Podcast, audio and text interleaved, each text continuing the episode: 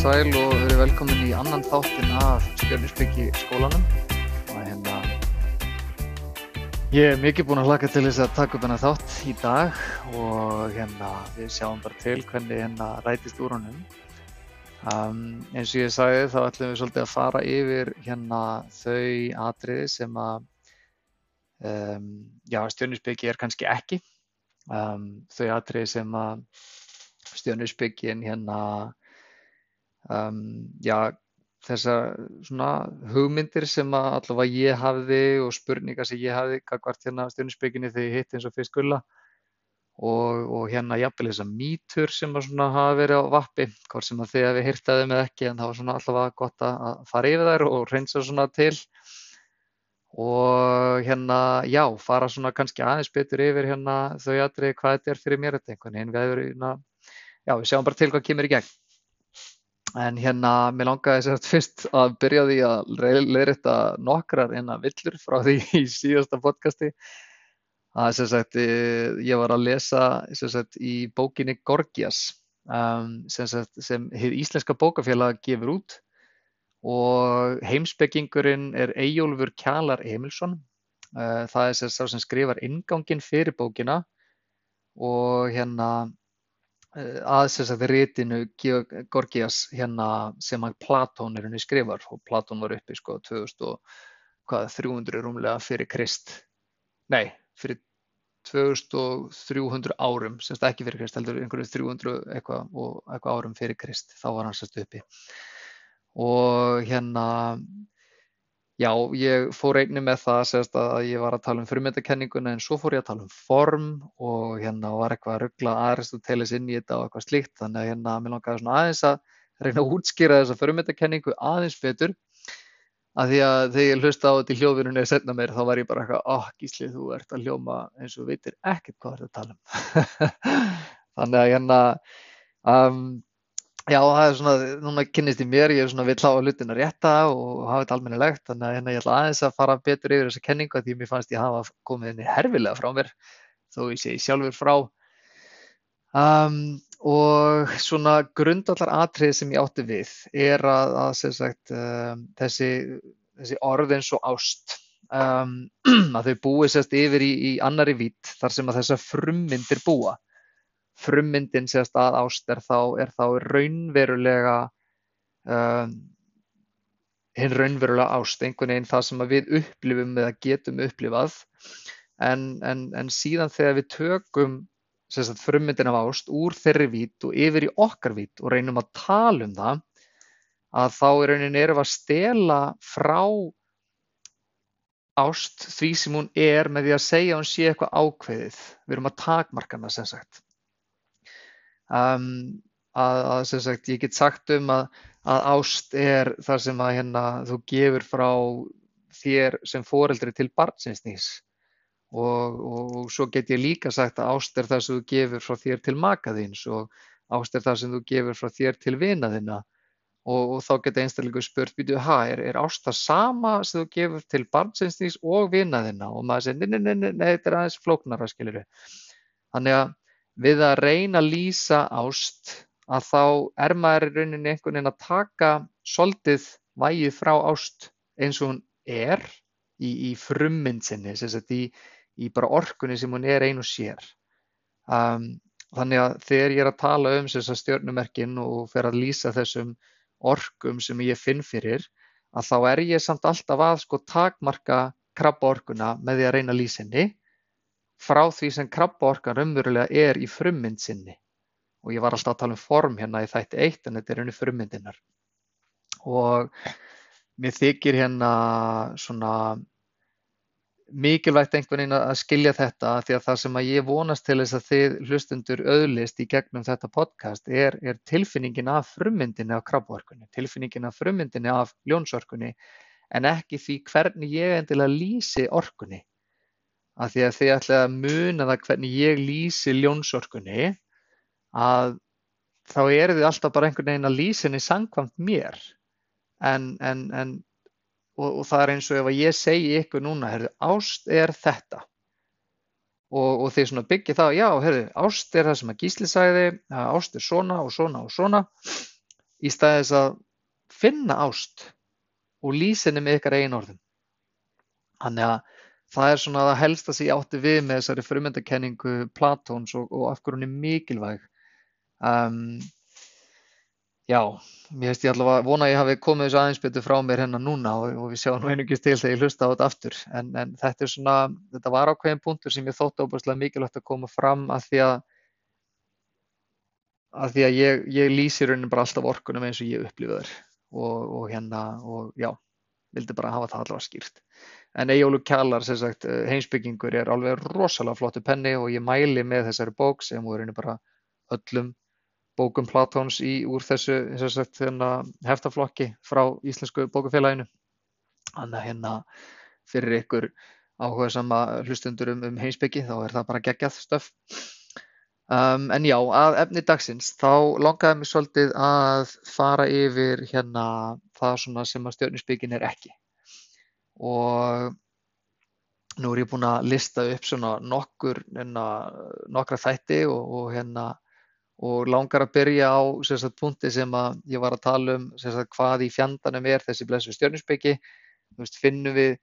segulmagn frá Júpiter og okkar slíkt eru, eru þessar plánitur í okkar sólkerfi, eru þær að hafa áhrif á okkur. Og með því að svara þeirri spurningu að þá finnst mér ég svolítið þurfa að fara yfir í hinduisma. Af því að það sem að ég heyrði einhver staðar í hérna tengingu við hinduisma er að það eru ákveðin atrið sem að, sem að einstaklingar sem að aðhyllast hinduisma sem sagt svona samþykja að sé ofar þeirra skilningi. Að, að það er sumt í þessum heimi sem við skiljum og svo er sumt í þessum heimi sem við bara einfallega skiljum ekki og, og erum ekki færum að skilja hvers, á hvað ástæði sem það er. Og að, að við getum bara einfallega tekið það í sátt og lifa því í sátt og samleiti með því. Að sumt er okkur aðra til þess að skilja um, en það þýðir samt ekki að það sé einhver vittlisa í því. Eins og Ég hérna skil til dæmis ekki hvernig vél í bíl virkar en ég treysti samt alveg að bílinn virki. Eins og flugvél, ég veit ekki hvernig flugvél flýgur þannig sé svona tæknilega en samt fer ég upp í flugvél og, og, og svona treyst henni. Þannig að er hægt að treysta því sem maður skilur ekki? Já, ég held það. Ég ætla að gera það og ég held að þið geti gert það einnig. Um, en, en það er samt óbúslega svona gott að, að, að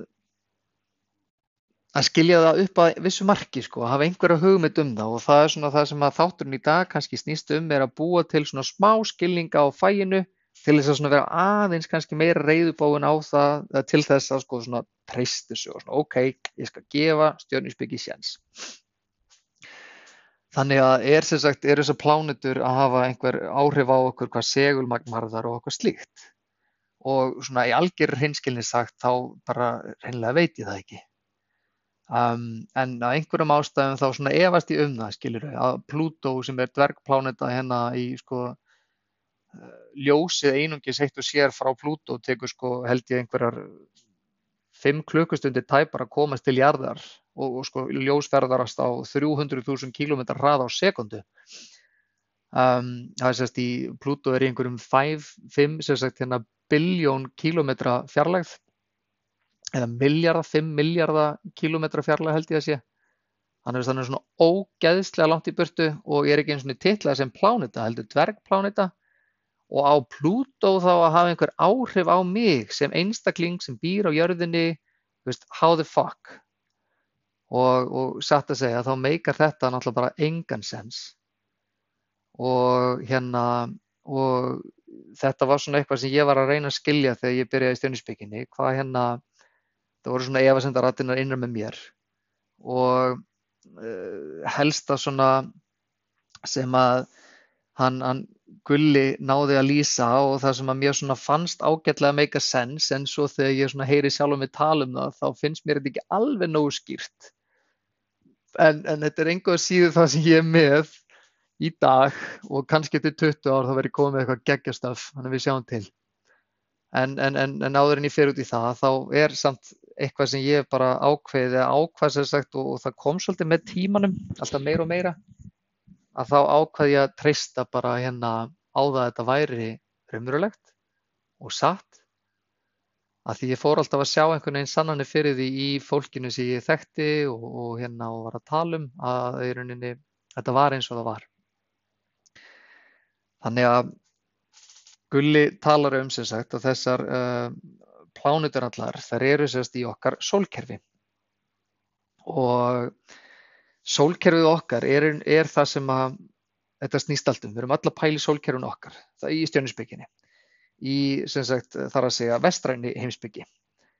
og, og, og stjörnusbyggi sem sagt hún skiptist í, í tvo þætti uh, og annar þeirra heitir sagt sideral stjörnusbyggi eða astrology. Og hinn parturinn heitir tropical uh, astrology eða og sideral sérst snýrað að, að stjörnunum, sérst punktunum á, á himninum. Og tropical astrology sérst snýrað að, að, að sólkerfinu okkar. Og þar að leiðandi sérst þeim þeim árstíðum sem við upplifum hérna á jörðinni út frá sólinni, því að sólin er einni það sem heldur sólkerfin okkar saman. Og í vestræni stjörnusbyggi og þeirri stjörnusbyggi sem ég er að kenna hérna í dag, að þá erum við einungis að horfa á sólkerfið okkar og hvernig plánetuna þar að leiðandi innan okkar sólkerfis, hvernig þær er að hafa áhrif á okkur sem einstaklinga. Nú ef þú skoðar veitíska stjörnuspeki sem er sem sagt uh, indversk stjörnuspeki að þá eru þeir til dæmis að horfa á heiminin. Þá eru þeir að horfa á stjörnumerkin sérst upp á heimninum og, og, og fara eftir því og þá er allir einstaklingar eins og ég til dæmis, ég fættur í merki nötsins en í veitískri stjörnuspeki þá væri ég hrútur. Þá sérst að hliðrast eil allir um, um, um hérna eitt merki. Ég held að, ég man ekki hversu marga gráður það er búið að hliðrast um hvort það séu 25 gráður eitthvað svoleiðis, það er eitt af þessum atriðum sem ég geti googlað til þess að segja ykkur en, en, hérna, en þetta er oftast að hver, hver einstaklingur að flist um eitt merki um, ef hann er í veitískri stjórnusbyggi og veitísk stjórnusbyggi er eitthvað sem ég hef hérna ekki fyllilega kannad, ég hef ekki til dæmis farið í lestur hjá veitískun stjórnusbyggi en það eru tvær held ég hérna á Íslandi, allavega sem ég veit af, eftir vel fleiri sem stúdira veitíska stjörnusbyggi og, og eru víst bara drullu góðar að því sem ég hef heyrt um, sem að fara þá eftir því. Og, og þannig ég fari í lestu til þeirra þá myndi ég til dæmis fá að heyra að ég væri nöyt, nei nöyt, ég væri, væri hrútur. En ef þú kemur í stjörnukortalestu til eins og gulla eða mín að þá myndur þú fá að heyra að þú væri, að ég væri nöyt og náttúrulega þeir eru öllu merkjum þannig að ég getur sem ekkert sagt það. Um, þannig að það er svona helsti munurinn á veitískri stjórnusbyggi og, og vestræni er að við sagt, í, í vestræni stjórnusbyggi horfum á sólkerfi okkar og í veitískri stjórnusbyggi þá horfa þeir á, á heiminin og puntana og vegna þess að við erum einungis að vinna með sólkerfið okkar og ringrásinnar sem eru að eiga sér stað í sólkerfinu okkar að þá erum við ekkert að pæla í himninum við erum ekkert að pæla í stjörnunum og við erum ekkert að pæla í því að séu til 13 stjörnumerki eða eða 12 og, og hvar þau eru staðsett og hvar þau byrja og eitthvað slíkt eins og hvað heitir aftur hennar 13. Nenderval, nefnir nei, nei, ég man ekki svona hvað það heitir Neðarvaldur, nei, það er eitthvað svona byrjar eitthvað enn um, að ég held að stjörnusævar hef ekkert komið með að hérna, sagt, það eru 13 stjörnum er en ekki 12 og, og jú það er alveg rétt hjá hann það eru 13 upp á himninum samkvæmt þessum punktum en, en ekki 12 eins og hérna í, í stjörnuspíkinni. En, en það hefur hérna ekkert með stjörnuspíki að gera þessi stjörnufræði og hvað þessi punktar eru, allavega ekki að, að þeirri stjörnuspíki sem ég er inn í stúdera og, og kenni þar að leiðandi. Þannig að Þannig það þarf að vera óbúslega skýrt. Við erum einnig bara að pæla í sólkerfinu okkar, við erum að pæla í ringrásunum sem allar plánutunar innan sólkerfisins okkar sem fara í kringu sólina og, og orkuna sem er þá innan þessa sólkerfis. Við erum ekkert að pæla út fyrir sólkerfið eða í einhvern seríustjörnum eða pólstjörnum eða eitthvað slíkt. Það hefur henni ekkert með stjörnusbyggi allavega eins og hún byrtist mér hérna í þessu, þessu vestrana formi sko. Um, já, það sem að gera það þá að verkum hvar, eða stýrir því hvar til dæmis þá merkin ráðast eða hvar þau lenda í hverju ári fyrir sig er sem sagt að sumarsólstöðunar sem eru þá upphaf krabbans sem er þá 21. cirka hérna júni að það er þá upphaf krabbans og vetrasólstöðnar sem eru þá upphaf uh, steingeitarinnar um, eru þá sagt, þessi tveir punktar, vetrar og sumasólstöður sem, sem er miða við og það er einnig það sem að ákvara þá hvar öll merkin lenda á hverju ári fyrir sig. Þannig að upp af hrútsins og upp af vogarannar eru þá vorjafndægur og, og, og haustjafndægur, vogin er haustjafndægur og hrúturinn er vorjafndægur. Og, og svo splittast þess að merkin þannig jaft niður, 30 gráður hvert merki, inn á þennan 360 gráður ring. Og um, þar að leiðandi út af því að, að, að stjörnuringurinn lendir alltaf á hverju ári eftir því hvar sumasólstur og vetrasólstur eru að þá er örlítið tilvik á, á merkjunum uh, hverju, hverju ári. Þannig að það getur skeikað í að þegar þú ert til dæmis fættur 23. Jú, uh, á júli til dæmis, hvort þú sért ljón eða hvort þú sért fættur þá 22. júli og, og sért þá ljón eða, eða krabbi.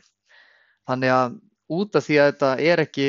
svona nelt í stein að því að þetta er henni breytilegt eftir því hvernig sólinn ringsólast um þessa blessuðu jörð okkar að þá, þá er rosalega mikilvægt fyrir hvern einstakling að vita tíman sem að fæðist og þá sérstaklega náttúrulega fyrir þessa einstaklinga sem að fæðast uh, í kringum mörkin á þessum skiptum á merkjunum. Um, einstaklingu sem fæðist á mörkum mejunar og, og hennar vogarinnar að þann þarf að vita svolítið nákvæmlega tímasetninguna því að það getur bara hreina ráðist á því hvað klukkan er þegar hann fættist, hvort hann er þá meia eða vok. Og, og nálegasta dæmi sem að ég fengi allavega einstakling í lestur að þá munaði að korteri á því að einstaklingurinn væri uh, sagt, krabbi eða ljón og hafi lifað alla sína æfi sem krabbi en, hérna, en við komumst að því saman að hann væri raunverulega ljón og, og það var ótrúlega eitthvað fyndið moment að því að, að hérna, ekki, ekki að segja að þessi einstaklingur hafi verið eitthvað svona super full blown hérna, believer á, á stjörnusbyggju og lifa sínu lífi samkvæmt því verandi krabbi. En hérna en hann talaði allavega um það það hefði verið helviti áhugaverð svona upplifin að, að eldinu breytist þetta. Mér þætti þetta til dæmis mjög skrítið ef einhver myndi segja mig bara, herri nei gísli þú ert ekki nöyð, þú ert hrútur. Uh, er þið svolítið gottsmækt ég verða, verða að segja sko ef að hérna eins og ég færi til veitísk stjörnusbygging og þau myndu tala um það. Þannig að já, hann er stjörnusbygging sem ég stúdira og er að fara að kenna ykkur er sérstaklega öll byggð á þessum vestræna stjörnusbyggi eða tropical astrology. Og um, þannig að við erum einungis að pæla í okkar sólkerfi og, og ef maður getur ímyndað sér skiljur eins og jólakúluna sem maður hristir og það kemur svona snjór út um allt og, og hérna með jólasveginni og einhver jólatreini að ef þið getur ímyndað ykkur þá að, að sólkerfið okkar að ef að sólkerfið okkar býr í einhvers konar svona kúlu, einhverjum orkulegum hjúpi, einhverju andunslofti eins og er sérst í lofthjúp jarðar, ef þið ímyndað okkur ykkur að það sé álíka hjúpur eða ringur utanum sem sagt sólkerfið okkar að þá er öll orkan sem er inn í þessum hjúp, þessari kúlu, er orkan sem ríkir inn í sólkerfin okkar, sem er þá orkan sem við erum öll að finna fyrir og upplifa. Og hvernig sagt, þetta allt saman raðast og hvar sagt, Neptunus lendir og hvar Plútó er og hvað það þýðir allt saman, þetta er, kemur einhvern veginn meira í ljós eftir því sem við förum dýbra inn í, í stjörnusbyggina og ég kenn ykkur meira og meira. Uh, en, en það sem að er að gerast öllum stundum er að það er einhver orka í gangi og ég hef hitt einstaklinga sem hafa komið til mín í lestur sem hafa verið með sagt, Neptunus. Neptunus er, er, pláneta sem að opnar fyrir skinnjun á öllu sem við getum ekki sagt, svona, sett svolítið puttan á þannig að einstaklingar með mjög sterkar Neptúnus eru til dæmis oft færar um að finna fyrir orkustjónisbygginar heldur en aðrir og eins og bara fyrir því hitti stelpundaginn eða kona kom til mín innan um árið einhver tíman og hún fann það innræð með sig hvort að veri sagt, hérna, flóðið að fjara. Ég þótti alveg gjörsanlega klikkað því að ég er ekki, svo næmur ekki langt í frá sko. Þannig að hérna maður hitti einstaklingar sem eru færar um að finna alveg fáránlustu hluti og, og einhverjum ástæðum þá verðast einstaklingar sem eru mjög næmir heillast að stjörnusbygginni og, og þar hef ég verið svolítið heppin í gegnum svona mín síðustu undarfærin ár að kynnast alveg mögnuðum einstaklingum sem að maður svona vildi óska þess að væru svona meira ofinberir í, í okkar samfélagi í að tala svona um það hvað þeir finna og skinja og, og hvernig lífið þeirra er. Af því að hérna mér finnst svona karakterinn sem að er út af við í íslensku samfélagi þessi stereotypikal Íslendingur vera eitthvað svo einsleitur og, og hérna og um, já, það, mér finnst ekkert endilega eitthvað vola samþygt að vera eitthvað byllandi næmur og finna fyrir ótrúlustu hlutum en samt kemur fólk til mín í lestur sem er með bara, þú veist, ég, bara bókar eins og ég og, og með bara einhverja fáránlegar næmniskefir og, og færtum að gera, þú veist, bergdreymið og einn kona sem að ég hérna fæ til mín er, er sem sagt, sér sagt, hérna dauðu eða látna sagt á, já, skýrt og, og, hérna, og þá lifandi og árætt er með að gera greinamun og eitthvað og þetta er bara svona alveg klikka hvað sumir einstaklingar eru ofnir og aðgengilegir og, og að segja þeir séu bara eitthvað ímynda sér þetta eða geðveik, mér finnst það svona alltaf pínu klikkað að hérna gera það. En hérna, en allavega þá eru við öll mögnuð og einstaklingar sem að hafa rosalega sterkar Neptunus eru sérstaklega þá með eða fiskvarku Neptunus og fiskaorkan er það sama en ég, vona, ég, ætla, ég ætla ekki að fara í þetta strax, þetta verður að býða. en svona næmir einstaklingar. Þeir til dæmis finna fyrir því hvaða orka er í gangi í, í sólkerfinu okkar hverju sinni og átta sig á því hvernig reyfingar plánetnana eru að hafa sérst áhrif á þau og eru þar alveg endi oft meðvituð um það hvernig þessi, þessar reyfingar plánetana eru að hafa áhrif á alla og, og um, átta sig á því og geta lesið í eins og bara þar samfélagsbreytur sem er eiga þessi stað og, og hérna og ímislegt eins og segi, stjórnusbyggin er ofbúslega margslungin og, og, og flókin, eða já ég segi alltaf flókin, hún er pínu flókin en, en, en það er samt, þú veist, ég tók náttúrulega starfræk sko hérna lýsingunum upp síðast. Og jú, stjórnusbyggi er alveg flókin en, en hérna en hún er mjög aðgengilega ef maður lærir hennar rétt eins og þú veist starffræði, ég held að sumir einstaklingar sem er einhvern veginn búin að ákveða bara þessu lélegi starffræði og, og ég trúi því allavega þú veist, ok, sumir eru talnablindir eins og bara sumir eru lesblindir og geta þá ekki lesið og, og það er allt, allt í lagi. En ef þú ert ekki talnablindur eða talnablind að þá held ég að, að allir geti lært að reikna starffræði alveg upp í, upp í flóknustu eða svona freka flóknu algebru. Um, það veldur bara á því hver kennið er og, og hversu þólumöðu kennan er til þess að þú skiljur og náir við sem grundvallar þáttum í starfræðinni til þess að geta haldið áfram á næsta stig. Og, og það er allavega eitthvað sem ég ætla að reyna að hafa í, í, huga og, og finna fyrir svona er að, er að vera þólumóður fyrir hægfara kennslu að því að ég vil svolítið koma þessu vel frá mér og til skila og, og ég finn svona innra með mér að ég þarf svolítið vel að, að halda aftur af mér og, og hérna og leifa mér bara að fara vandlega í gegnum þetta til þess að, koma þessu bara vel frá mér þannig að þeir sem að vilja skilja þetta geti það. Um, já, þannig að stjörnisbyggin hún er, er margslungin og hún er þar á leiðandi flókin en, en, en ef þú lærir hana hægt og rólega þá þarf hún ekki að vera það og, og þetta sólkerfi okkar og hvernig það er að það um, núna til dæmis dætti ég það er einhvern veginn að sanna fyrir ykkur að stjórninsbyggjan væri ríl og bara afsakið mig, ég ætla að reyna hérna að gera sem minnst af þessu en ég greinilega dætti í, í, í þessa lúpur. En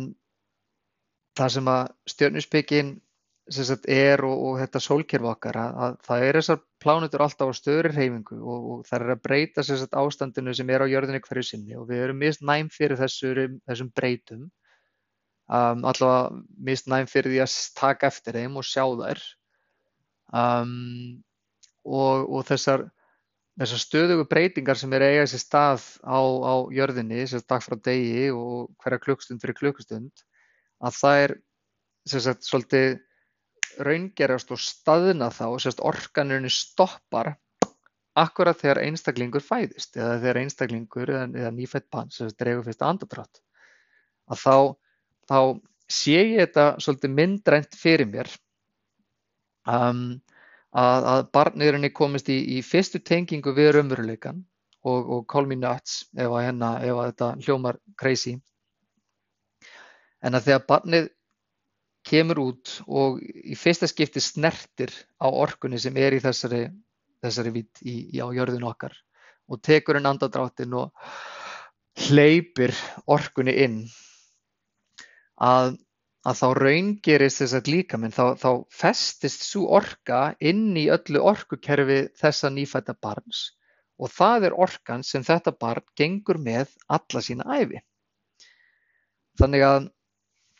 við erum í rauninni gangandi klukkur Ég er gangandi klukkan 5. mæ 1989 klukkan 19.57 á kvöldi, já, 1957. Það er klukkan mín sem ég er að ganga um. Og, og, og það er orkan sem ég er alltaf að vinna með. Þannig að stjörnukort það breytist aldrei. Þannig að þú kemur til mín í lestur í, í dag og kemur svo aftur til mín eftir 5 ár, að þá væri ekkert búið að breytast. Þú, við varum að vinna með nákvæmlega sömu orkuna, við varum að vinna með nákvæmlega sama kortið, því að þú ert í rauninni alltaf bara þú. Munurinn hins vegar sem er á því er að, að við þroskumst og við lærum meira að taka okkur, okkur sjálf í sátt og þá verðum við ofta ríkari og svona dýbri tegund af okkur sjálfum en það er alltaf þessi kjarni okkar sem er eins. Og, og þessar plánutur allar sem er að ringsólast um sólina að í stjörnusbyggi þá eru er við að, tólka þannig að allar plánutur eru að ringsólast um jörðina. Og, og, og það er náttúrulega bara vitleysa, ég veit það vísindilega að, hérna, að það snýst allt um sólina. En, en við búum á jörðinni. Þannig að við erum alltaf að upplifa sagt, allan heiminn eða allt sólkjörið fyrir ekki út frá okkur sjálfum, sérst okkur og hvar við erum staðsett og við erum staðsett á jörðinni. Og þar alveg þetta er tunglið svo brjálæðislega mikilvægt í okkar stjörnukerfi eða korti að því að tunglið er náttúrulega nálegast að plánetan jörðinni og, og, nánast álíka í massavís hvað, hvað sést nálegvarðar og, og sólinn og ég held ég sé nokkuð, eða ekki massavís heldur stærðarvís sérst hversu stort við sjáum tunglið og hversu stort við sjáum sólina, ég held að þetta sé minnir að þetta sé alveg óbúslega álíka þegar ég var að skoða það og það er óbúslega skemmtilegt að bæli því en Þannig að tungli skiptir óbúslega miklu máli að því að við erum hérna á jörðinni og pælum í, í hvernig er að vera með stjörnukort á, á þessari jörðu. Þannig að stjörnusbyggilega þá snýst allt í kringum okkur, þá snýst allt í kringum jörðina. Og, og þar að leiðandi þá er náttúrulega sólinn, hún fer alltaf í ring, stöðuða ring, að því að við erum tæknilega að segja snúist í kringum hana, þannig að hún breytist ekkert. Og tunglið, það er alltaf að fara í ring í kringum okkur, þannig að það fer alltaf í ring. En allar hinar plánetunar, Merkur, Venus, Mars, Ceres, Júpiter, allar hinar, þær nefnilega eiga það til að fara stundum aftur og bakk. Og þær eru náttúrulega ekki að fara aftur og bakk, um, af því að plánetunar náttúrulega snúast alltaf bara í ring í kringu sólina, en út frá jörðinni séð, og ef þú myndir horfa til heimins og sjá Venus sem er óbúslega björt pláneta, allavega á vissum tímapunktum ársins að þá getur séð, séð fylgst með því hvar Venus er að byrtast ef þú horfið til dæmis alltaf út úr glukkan klukkan 7 mótni til þegar Venus er að byrtast, hún er morgunstjarnan að þá getur Venus verið ákveðni staðsynningu sagt, hérna, uh, klukkan 7 og svo klukkan 7 næsta dag og næsta dag og næsta dag þá ser alltaf Venus verið að fara áfram. En svo allt í einu einn daginn þá er klukkan sjö og þá er Venus eins og hún hefði gengið tilbaka. Og svo næsta dag gengur, lítur aftur upp og ha, hún er búin að færast aftur tilbaka þannig að út frá jörðinni séð þá er eins og plánetan sé í raunin að fara aftur á bakk og það er einfallega af því að sagt í, í eins og til dæmis með plánetur eins og Mars þar sem við fyrir hraðar en Mars að þá erum við að taka fram úr Mars og þá verðist eins og Mars sé að fara aftur á bakk en í raunin eru við bara að fara aðeins hraðar en Mars. En, en eins og með Merkur og, og, og, og Venus sem eru tvær plánutir sem fara hraðar en hérna jörðin, ég er eiginlega viss um það, þó að hérna þetta er svo fyndið að vera með podcast og vera að halda einhverju fram, þá er ég alltaf svona, oh shit, er ég að segja eitthvað rétt hérna? Þannig að hérna, ég mun pottið googla þegar ég fer í hljóðvinnuna hvort að Venus fari ekki öruglega hraðar en jörðin. Þannig að ég sé ekki öruglega alveg að fara með rétt mál og, og staðfesta það þá í næsta þætti ef það var hérna rámt fyrir mér. En þannig Venus og Merkur geta líka farið sem sagt aftur og bak en það er þá út frá öðruvísi speklun við jörðina og, og það er rosalega gaman til dæmis að skoða þetta á netun eða þið farið og prófið sem sagt og sko, skoða retrograde Merkur eða retrograde hérna planetari Venus þá fáið að sjá svolítið hvernig þessi, þessi þetta form er í því þar sem þessar plánetu tvær sérst mynda þennan þessa ringgrás í kringu sólina og svo í kringu hver aðra.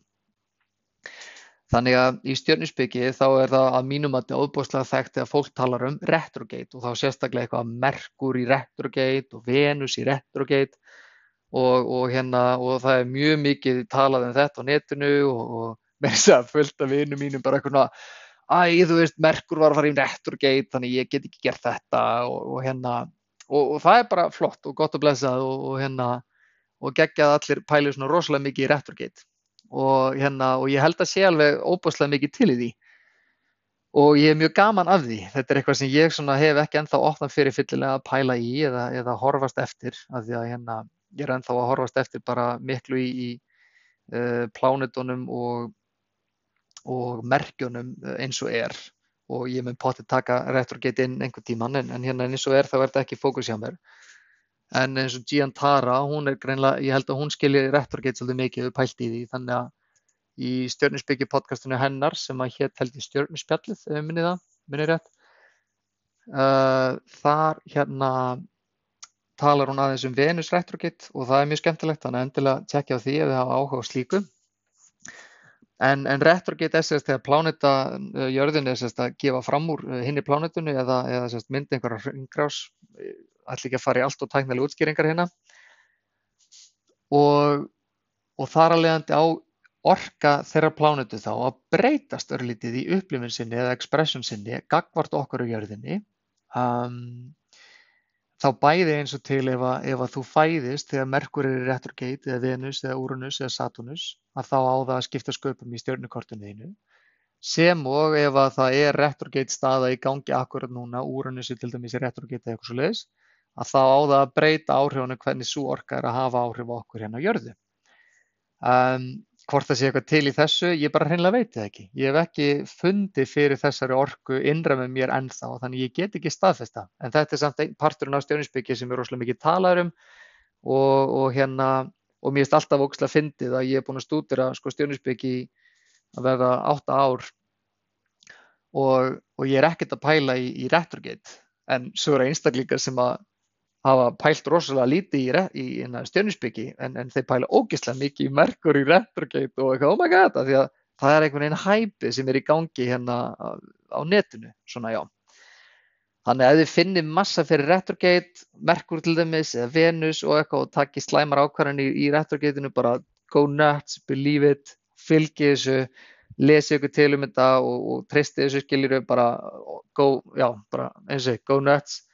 En, hérna, en, en ég sjálfur er ekki eins ofinn fyrir því þannig ég mun allavega ekki kenna það strax. Uh, ef þetta stjónisbyggir podcast fer eitthvað rosalega langt að þá hérna getur vel verið að ég sé búin að taka þau upp eftir 100 þætti, hver veit, en hérna en við sjáum til. Um, þannig að, jú, við erum með, með jörðin okkar og það er miðja alheimsins, við erum miðja alheimsins og, og þar að leiðandi snýst allt í kringum okkur eða, eða jörðina og hvernig þessi, þessar plánutur allar make a sense að þær hafi áhrif á okkur, það svona, eh, eins og segi, ég veit það ekki. Er það að hafa sefugul áhrif einhver á okkur? Þú veist, ég einhvern veginn efast um það því að bara ég á svona bátt með að trúa því, svona praktikli einhvern veginn, vísendahugurinn minn er svona, na, ja. en, en staðsending þeirra, eins og bara ef við ímyndum okkur að allar þessar plánutur séu, séu, séu vísar á klukku og, og, og staðsetning þessara vísa, þessara tólf vísa, segja þá til um mismunandi atriðum það hvernig við erum, lýsa mismunandi ástandi. Plútó til dæmis er 240 ára að fara hringin kringu sólu á meðan við erum eitt ár og Mars eru tvö ár og Júpiter er 12 ár og Saturnus er held ég 30 ár. Já, og, og Úranus 84 ár skilju, þetta eru alveg stóra ringrásir sem þessar plánutur eru að fara. Stóri ringir og, og staðsetning þeirra sem sagt í þessari stóru klukku segja alltaf ákveð til um ímislegt um og, og einstaklingar færi stjörnusbyggingar eins og gulli til dæmis þeir spá í hvernig tíðarandin er á jörðinni þegar ákveðna plánutur eru í vissum staðsetningum eins og um, Pluto núna til dæmis er, í, er, í, er, er nýkomin yfir í Vaspera og Plútó er semst að fara að verða í Vaspera hérna núna á næstu 20 árin, hann fer aftur yfir í steingitina í smá stund en fer svo aftur í að lokum í Vaspera held ég í september að lokum og verður það næstu 20 árin. Þannig að rosalega breyting í aðsíi á næstu bara vikum og mánuðum og, og einstaklingar eins og Gulli sem pæla rosalega mikið í því hvernig þessar stóru ringrásir er að hafa áhrif á allt samfélagið, um, þeir pæla í slíkum atriðum. En, en ég er meira, meira fókusir á sagt, einstaklingin og hvernig orkan er sagt, í okkur í fæðingakortinu og pæli minna í sagt, hvernig þetta er að hafa áhrif á þjóðfélagi þráttur að mér finnst það áhugavert. Og um,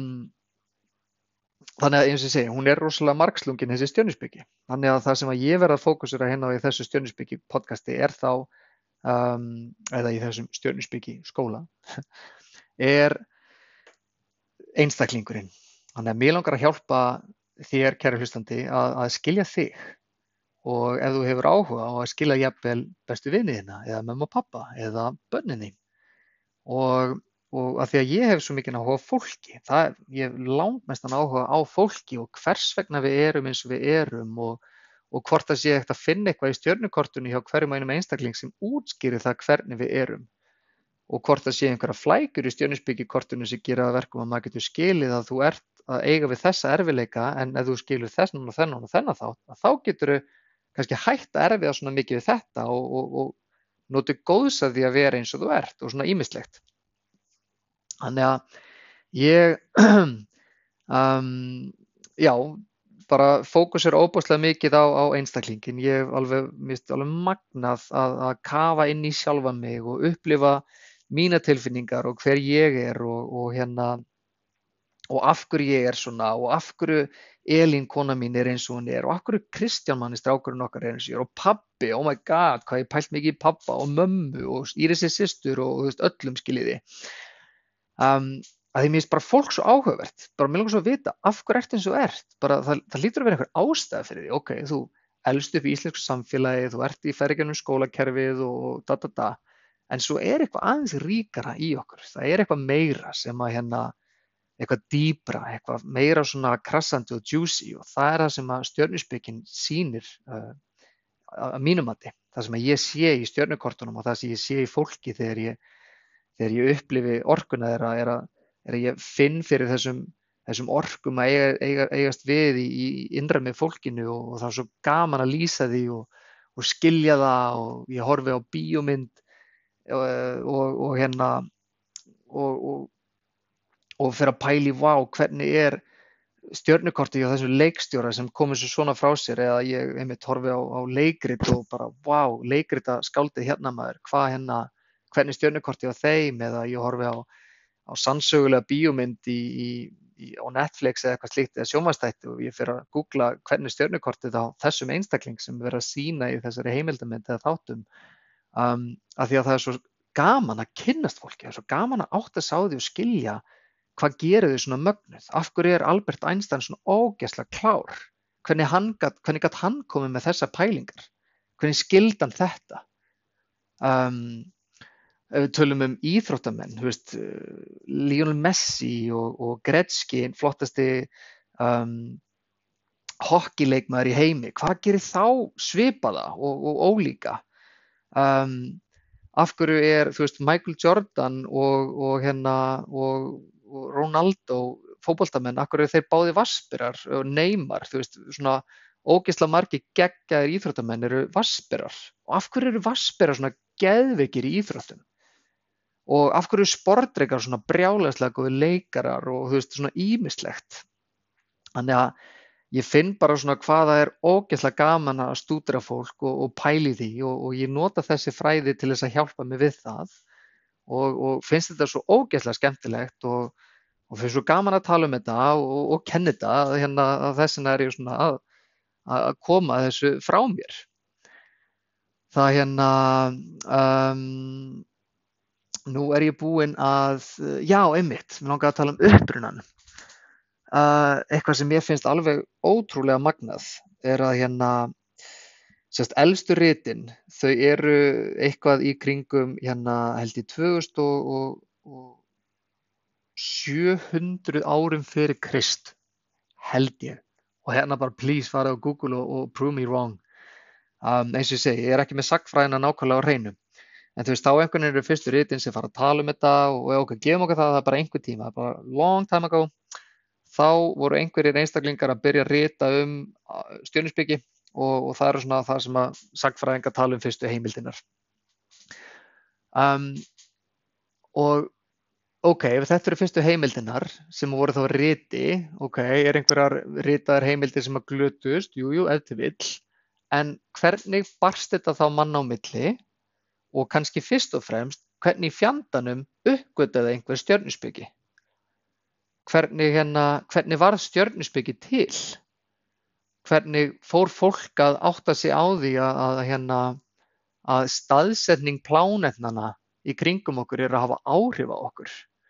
Og hver var svo brjálæðislega næmur að átta sig á því að þegar plánetan er akkurat staðsett hér að þá er hún með svona orku en þegar hún er þarna að þá er orkan öðruvísi. Og hvernig gæti einstaklingu þá átt að segja á því að hm, þegar plánutur eru á þessu sviði þá er orkan svona en svo breytist hún þegar þetta er hér.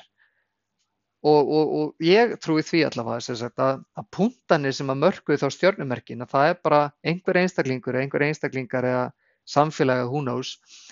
fann fyrir því að, að þessi orka þegar plánuta er á þessu sviði þegar þeir sjá Venus fara yfir heimingeimin eða sérst, sólina eða tunglið og þegar hún akkurat er á þessum punkti að þá breytist orkan. Þannig að miðum við þennan punkt hérna á heimninum það er sérst á upphafið af hrútsorkunni og hún, hrútsorkan nær cirka bát þanga, þarna breytist orkan. Þannig við töfum að ok, það er bara þessar hennar stjörnur, það er þessi punktar hérna ba, ba, ba, ok, þetta er hrútsorkan svona vitum við það og, og hérna og, og svo er fólk einhvern veginn að horfa á þessa punta og draga upp einhvern hrút og reyna að sjá einhvern nöyt í þessu og eitthvað, ég er svona, nei, ég trú ekki alveg að þetta sé þannig. Ég held að fólk hafa bara verið að marka þessa punta til þess að marka hvar orkan var, að þau fundu fyrir henni þarna. Og, og svo náttúrulega snýst hérna allt, allt sólkerfið sem sagt, eða sem sagt, uh, við erum sem sagt í, í stjörnu þóku uh, galaxy sem, sem heitir Milky Way. Og, og, og það er reyfingu líka þannig að þetta er allt saman að reyfast þannig að punktanir sem voru sérst, það sem nöytið var staðsett áður fyrir er ekkert lengur það sem nöytið er. Uh, orkulega allavega miðum okkur við sérst, vetrarsólstuður og, og sumarsólstuður hvar sólinn sérst lendir. Um, En, en, en samt eru einstaklingar að stiða sig við það hvar punktanir eru og þar er merkið og eitthvað slíkt og, og ég svona er ekkert alveg sammálað því en ég ætla alls ekki að segja að það sé ránt. Ég veit ekkert um það því ég hefur henni ekkert kannad almennilega og, og ég ætla bara að ganga út frá því að það sé alveg hár rétt hjá þeim þanga til ég veit eitthvað betur. En, en ég ætla að stúdra það ekki og fer ekki sangkvæmt því. Um, en svona þetta er allavega mín upplifin að því hvernig þessi orka var einhvern veginn raða niður og það sem er líka svolítið áhugavert við þessa stjörnisbyggi orku er að allavega út frá því sem ég hef lesið sjálfur er að þessi merki þau höfðu ekkert nöfn fyrst. Áður en þú veist ég held að Grekir hafi gefið sagt, þessum, þessum stjörnumerkjum sagt, dýr eða heiti. Já þetta er krabbin og þetta er vógin og þetta er þú veist að, að fyrst þegar þetta einhvern veginn var allavega í þessum eldstu rétum frá Indlandi að þá er aldrei talað um sérna uh, merki, sérst, eitthvað dýr í tengingu við. Dýri kom sérst að svolítið segna meir og, og, og, og það er svona áhugavert eða mikilvægt að mínum að þetta skilja það að því að þegar við tölum um, þegar ég tala um krabba orkuna, þá er ég ekki að tala um einhverja krabba orku, eitthvað bókstallega krabba, heldur ég er að, ég er að lýsa orku sem að einhver hérna bráðsnjall hugsaði þessu vel og vandlega um. Ok, ég ætla að finna fyrir þessar orku. Ok, hvað minnir þessi orka mig á? ok, þetta er, uh, þetta er orka sem er rosalega falleg og góð og umhyggja í henni en, hún er samt svona, hún er hrætt og það er svona, það er ákveð varnarskel sem að einstaklingurinn uh, sem orkan er með líka, hún, hún sérst, þetta er orka þess að vera berskjaldadur, hmm, skjöldur, ok, hvaða dýr er með harða skila utan? Hmm, krabbin, já, einmitt, ok, líka humar, uh, líka uh, beltistýr, fullt, já, ok. En hvað er hún líka? Já, hún er protective, hún er svona, hún vil hjálpa einstaklingum að fara á vissa vegu, þannig að klær, já, það er svolítið áhuga, það er halda í og, veist þannig að einstaklingur hann, það hefur einstaklingur sérst fundi fyrir orkunni og vali dýr til að lýsa orkunni, ekki á, á aðra vegu, sérst, ekki að, að þetta er bara eitthvað krabba orka, bara bupp, bara af því bara, skiljiði. Þannig að það er svona líka, já, að mínum að þetta er ofbúslega mikilvægt að skilja uh, stjórnusbyggilega séð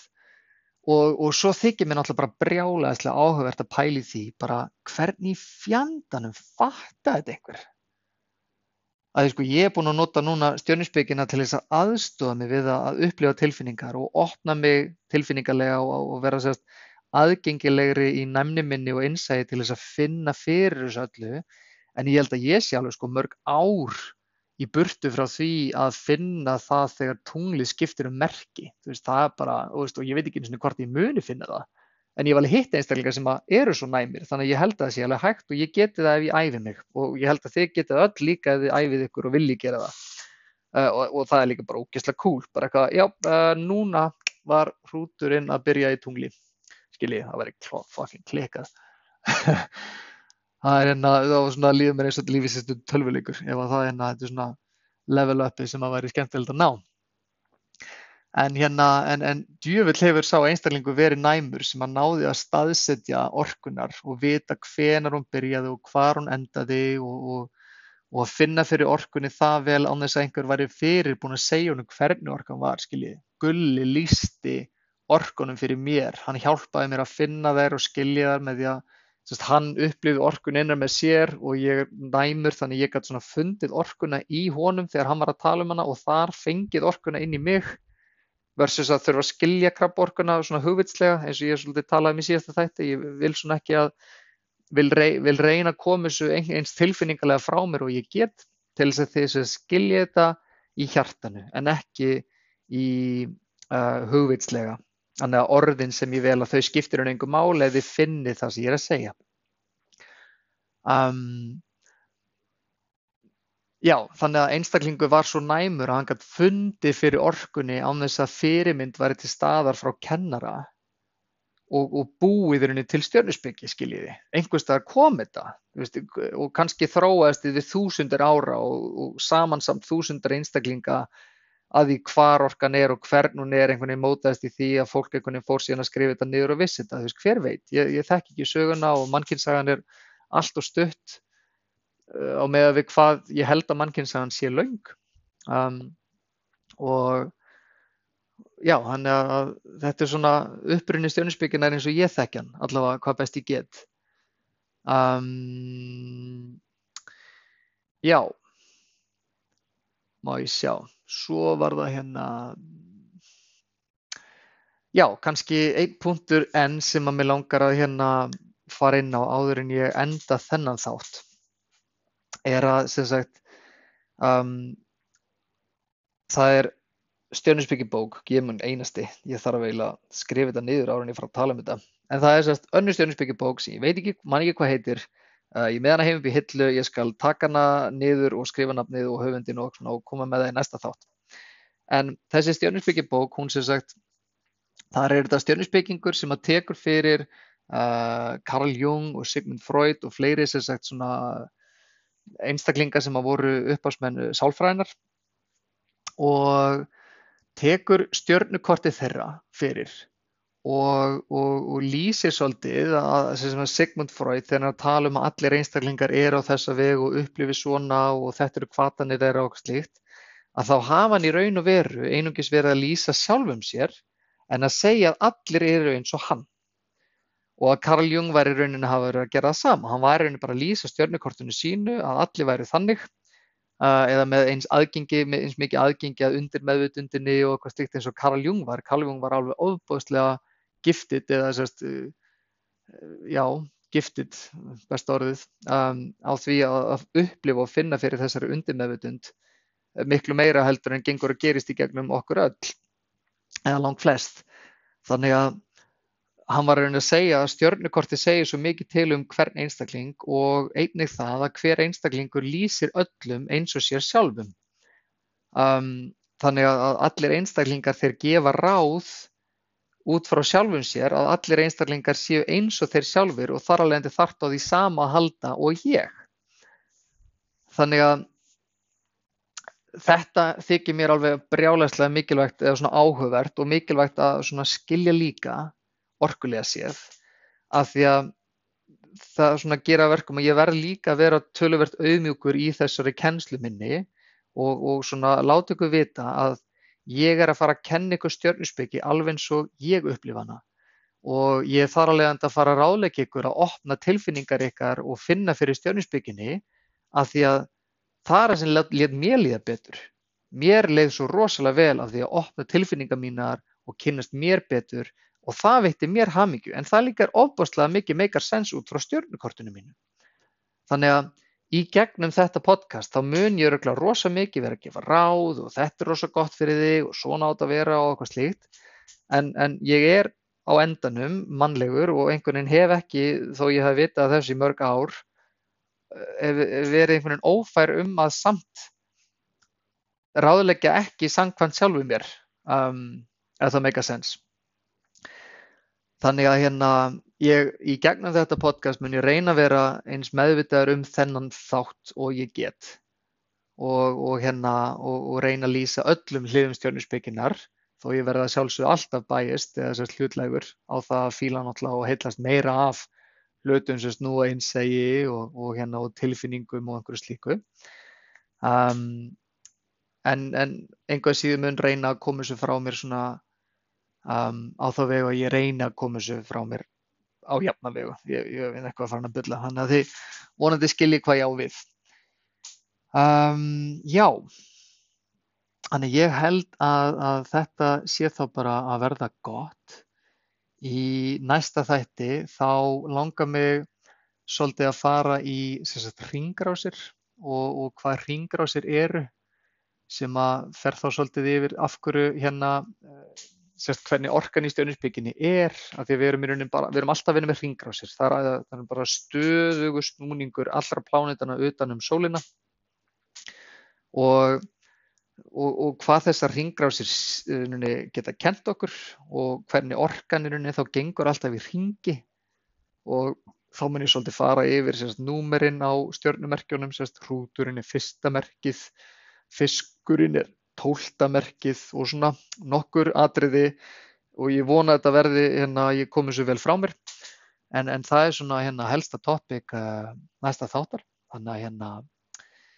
ég já, bara býði spennt. Og hérna og svo bara höldum við áfram. Það hérna, þetta er allavega dröllu gaman. Ég hef ógeðslega gaman að þessu eða bara miklu meira en ég bjóst við. Það hérna, eða nei, ég bjóst þessu nálega við að eiga hafa mjög gaman að þessu en, en svona, þetta er samt að gefa mér ótrúlega mikið. Þannig að svo lengi sem ég er gaman að þessu þá held ég að ég haldi þessu við eða uppi. Þannig að ég bara hérna þakka kærlega fyrir í dag og hérna við heyrumst þá bara eftir uh, vikur